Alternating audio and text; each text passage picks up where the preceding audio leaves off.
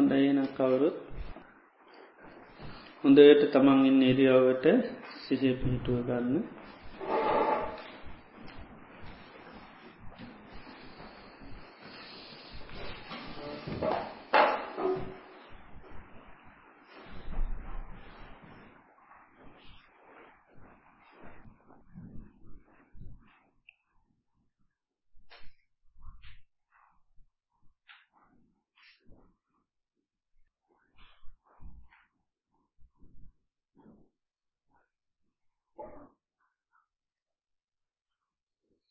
නම් මේ මොහොත ඉඳගෙන ඉන්න කියල හොඳට සිහිකරන්න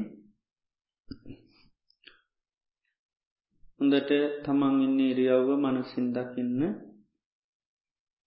හොඳට කය එඩුචු කරගන්න. හේතුවෙන් නැතුව හේතුනොත් ඉක්මනට නින්දට බරවෙනවා එනිසා හොඳට වීරයක් ඇතිවන මේ කයි ඉඩුචු කරගත්තාම වීරිය තියෙනකොට තීන මිතයට එන්ඩ තියෙන අවකාශහරි අඩුවේ එනිසා හොඳට පුරුදු කරගන්න පුටුවලින්ද ගන්න ඉන්න අයත් හේතුවෙන් නැතිවෙන්ට කොන්ද ඉරජු කරගන්න ඉරජු හොඳට තියාගන්න. මකද මේ කයේ වගකීම තවත්දේකට බාරදුන්නු ගමන් කයික්මනින්ම තීනමිද්දේ කරා යනවා. එනිසා හොඳ වේරයක් ඕන අපි කය ඉරජු තියාගන්න. එනිසා හේතුවෙන් නැතුව හැමෝම හොඳට තමන්ගේ කය ඉරජු කරගන්න.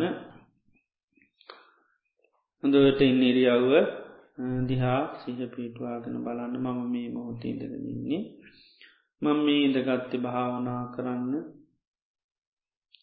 මේ සසර ගමනේදී අපිට මේ සිත දියුණු කරගන්න ජීවිතය අතාර්ථය කෙනෙක බලන්න ලැබෙන ඉතාමත්ම කලාතුරකින් ලැබෙන මොහොතක්.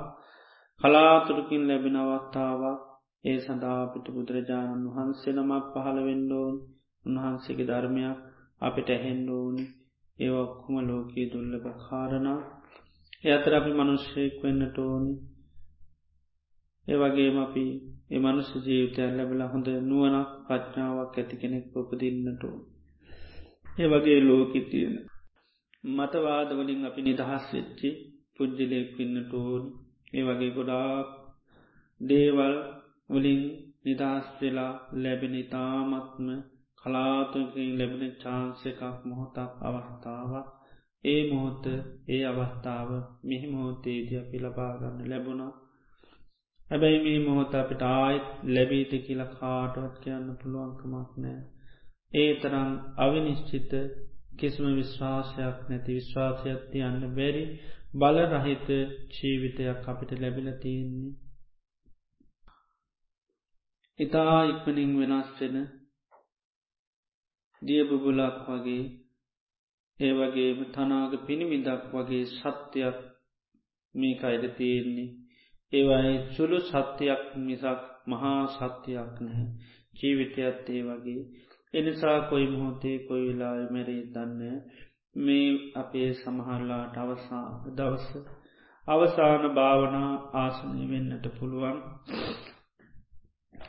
එනිසා මම හොඳ සිහියෙන් හොඳ කල්පනාවෙන් මේ මොහොතේදී මේ හිත පිට යන්න දෙන්න ඇතුව මේ කරන භාවනා මනසකාරය තුළම හොඳට සිහිය පවත්වනවා.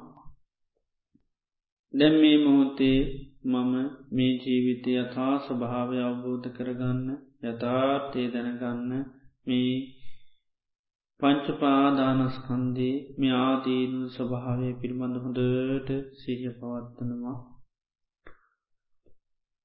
මේ රූපය කියන්නේ රෝගයක් වගේ. හොඳට අර්ථය තමන් බලන්න. රූපයකිනකොට හිතට අරමුණු වෙන මේ සත්‍ර මහා ධාතුන්ගෙන් හටගත්ත මේ රූපය. රෝගයක් මේ තියෙන තා කල් නොයෙක් විදී කායික මාංස්ක සන්තාව පරිදාහ දුක්තුම් නස්මිදින්න සිද්ධ වෙනවා. රූපය රෝගයක්.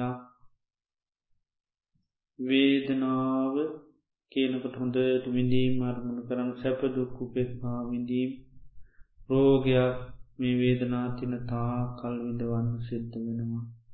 සංඥාව රෝගයක් හඳුනාගන්නා දේවල් පවතින තා කල් අපට විඳවන්න සිද්ධ වෙනවා. රූප සද්ධ ගන්ධ රසාපිස්පර්ශ නිත්‍ය සුකාත්ම වසයෙන් හඳුනගන්නවා ඒ හඳුනා ගැනීම නිසාපට විඳවන්න සිද්ධ වෙනවා. සංස්කාර රෝගයක් සංස්කාර සකස් වෙන තාකල් ආයායමත් දුක හටගන්නවා චේතනා පහළ වෙන සැම මොහොතකම ආයමත් මේ පංචුපාදානස්කන්දී සකස් වෙනවා.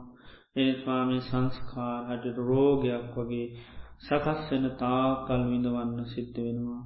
විඤ්ඥානය රෝගයක් මේ දැනීම් හටගැනීම නිසා විඤ්ඥානය නමති මායාවට අපි රැවටිලා අපට බිඳවන්න සිද්ධන නිසාමක රෝගයක්. පංච පාදානස් කන්දේම රෝගයක්. පවතින තාකල් ජරාමරණ සෝක පරිදේව දුක්දුම්න්නස් සැල්ලම හටගන්නවා හොඳ ටාදීන ස්වභාවය මෙනෙහි කරන්න අර්ථය තමයි හොඳට දකිින්දෝන් රූපය රෝගයක්. වේදනාව රෝගයක්. සංඥාව රෝගයක්. සංස්කාර රෝගයක්. විඤ්ඥානය රෝගයක්. පංච උපාදානකන්දයම රෝගයක්.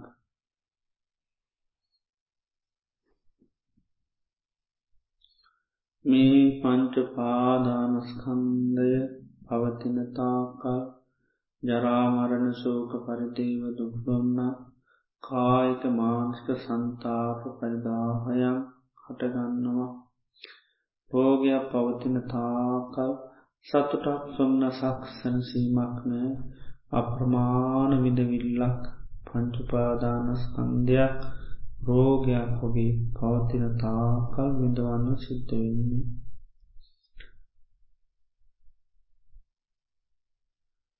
මේ මොහොත්ත මම හොඳ සිහියෙන් හොඳ කල්පනාවෙන් මේ පංචපාදානස්කන්දී මෙයාදීන හොඳට සිහි කරනවා කියලා සිහිය පිහිටුව පිහිටුවම මේ අතා ස්වභාවය විමසල බලන්න.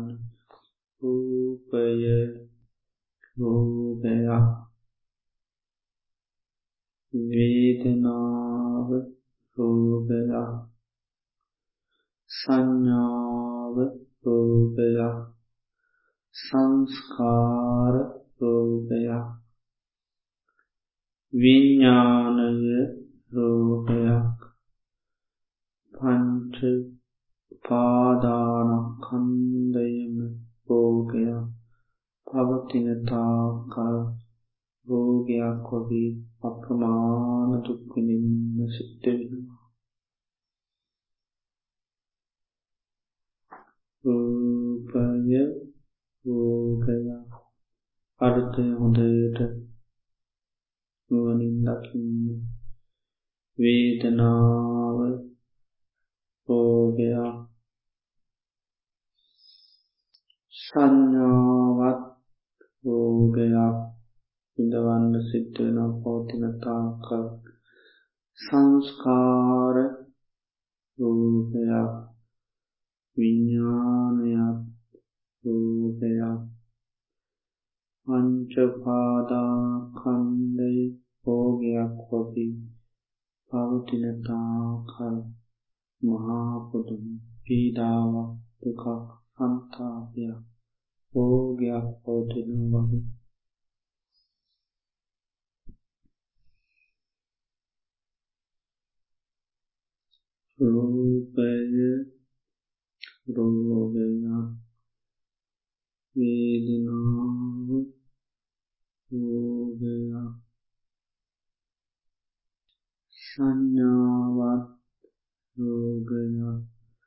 සංකාර රෝගයක් විඤ්ඥානය රෝගයක් පංච උපාදානකන්දම රෝගයක්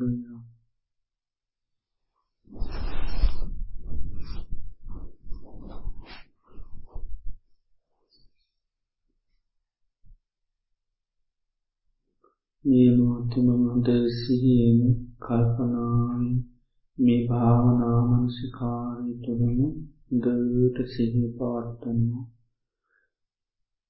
ඉතා කලාතුරකින් ලැබෙන මොහොතක් මේ අවසාන දවසන්න පුළුවන්.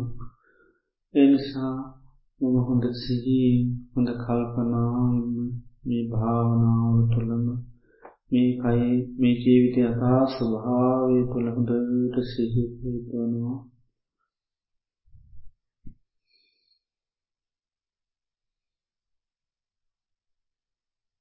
රූපය රෝගයක් වේදනාව රෝගයක්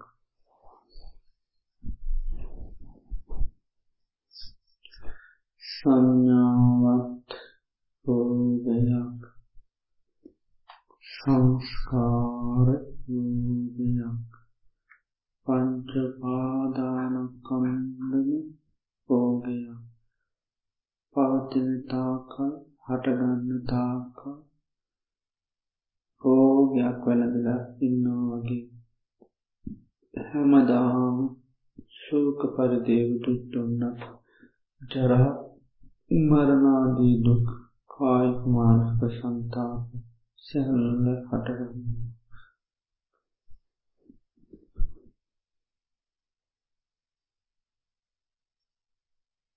රූපය රෝගයක් වේදනාව රූපයක් සංඥාව රූපයක් සංස්කාරත් රූපයක් විඤ්ඥානය රූපයක් පංච උපාදානකන්දව රෝපයක් මේ මනසකාරයත් එක්ක හොඳට අර්ථය හොඳට නුවනින් දකින්නට ඕනි. මේ පංචපාදානකන්ද පවතින තාකල් විඩවීමක් මයි තින් රෝගයක් තියෙන තාකල් විඩවනෝ වගේ.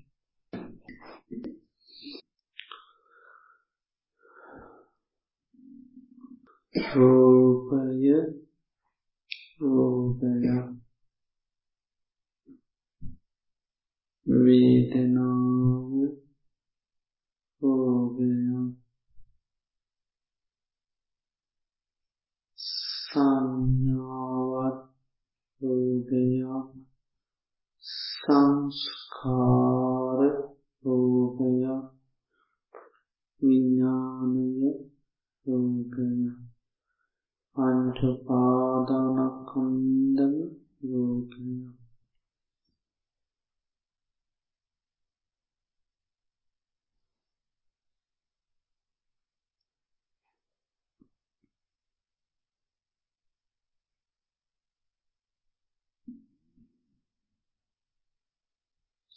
මේ පංචපාදානකන්ද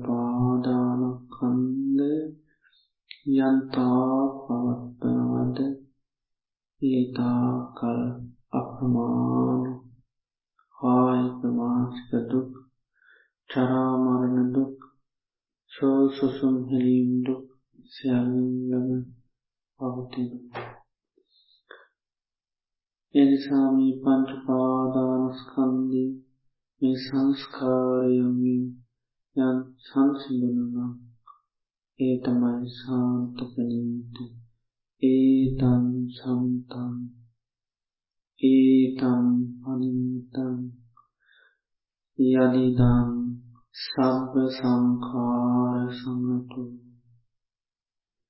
සබ්බූපදී පටිනිස්සගෝ තන්නකයු විරාගෝ නිරෝධෝ නිබ්බානං. ඊතං සන්තං ඒතං පනිතං. මේ තමයි සාන්තතැන. මේ තමයි ප්‍රනීතම තැන. එනම් සියලු සංස්කාර සංසිඳනු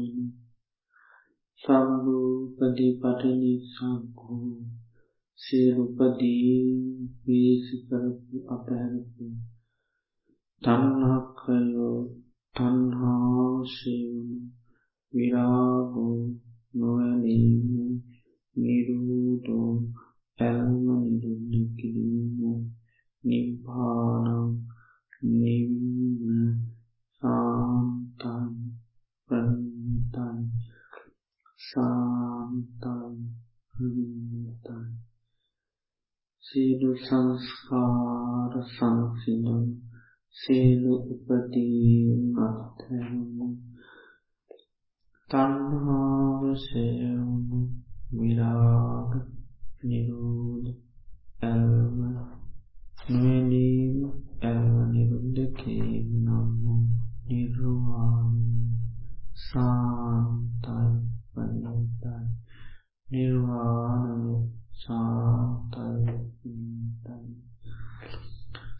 සංස්කාර සංසිදුණු සියලුපදී අත්තැරු තන්හාවශයෝ විරාග නිරෝධ නිර්වාණය සාන්තයි ප්‍රනීතයි ශාන්තයි ප්‍රනීත සියලුම සංස්කාර සංසිදුණු සියලුපදී අත්හැරමු. තන්නාවශයවුණු නොවැලීම ඇල්මනිබුද්ධ කිරීම නම්මෝ නිර්වාණය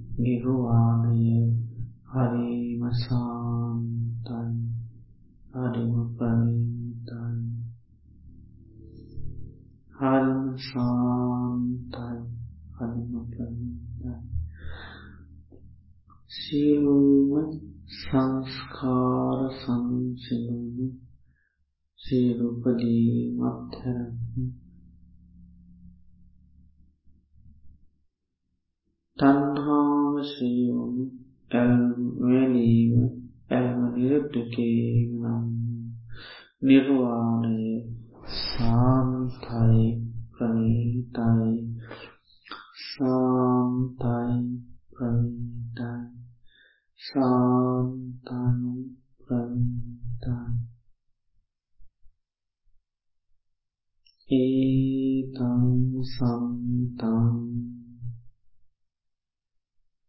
ඊතං පනිතං යනිදං සම්බ සංකාර සම්පු සම්බපති පටි නිසංකෝ තන්හකයෝ විරාගෝ නිරෝධෝ නිපානම් ඒතං සන්තං ඒතං